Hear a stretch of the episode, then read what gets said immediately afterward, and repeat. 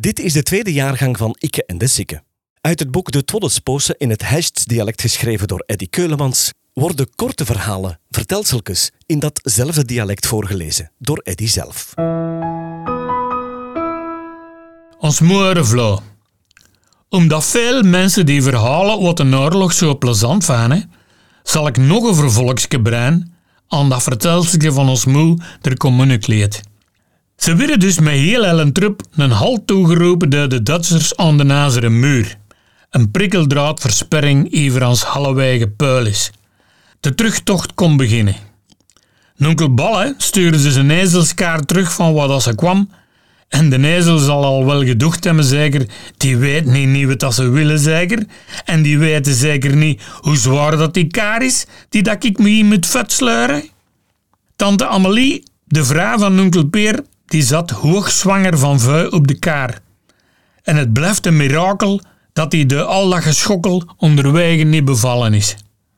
Gelukkig heb ik toch mijn vlauwba, toegt ons moe.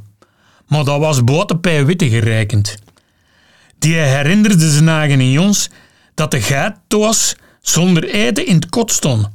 En hij zei tegen zijn oudste dochter: Germain, geef me even vlees, dan rein ik rap nog was om Mieke gaat te gaan voeren. Dus, als moe kon te voet van put tot in hest. Bij witte krosten met die flauw vier klavers naar hest, maar in Bjijzel aan de kroon werd hem tegengegeven de twee Duitse veldwebels. Als hem dat later op stammenij vertelde, werden dat altijd maar meer en meer Duitsers, naar gelang de avond vorderde. Bij Witte docht dat ze lesten uur geslagen was, want hij herinnerde zijn eigen de vele gruweldaden van de Duits in Wereldoorlog 1. Hij stond op punt om ons moeder vrouw in de gerecht te zwieren en te gaan lopen, maar dat terf hem even min. Hij slaakte dan ook een diepe zucht van opluchting toen bleek dat de Duitsers enkel zijn paspoort bitte vroegen en hem daarna sofort naar huis stierden. Wat een geluk zeg!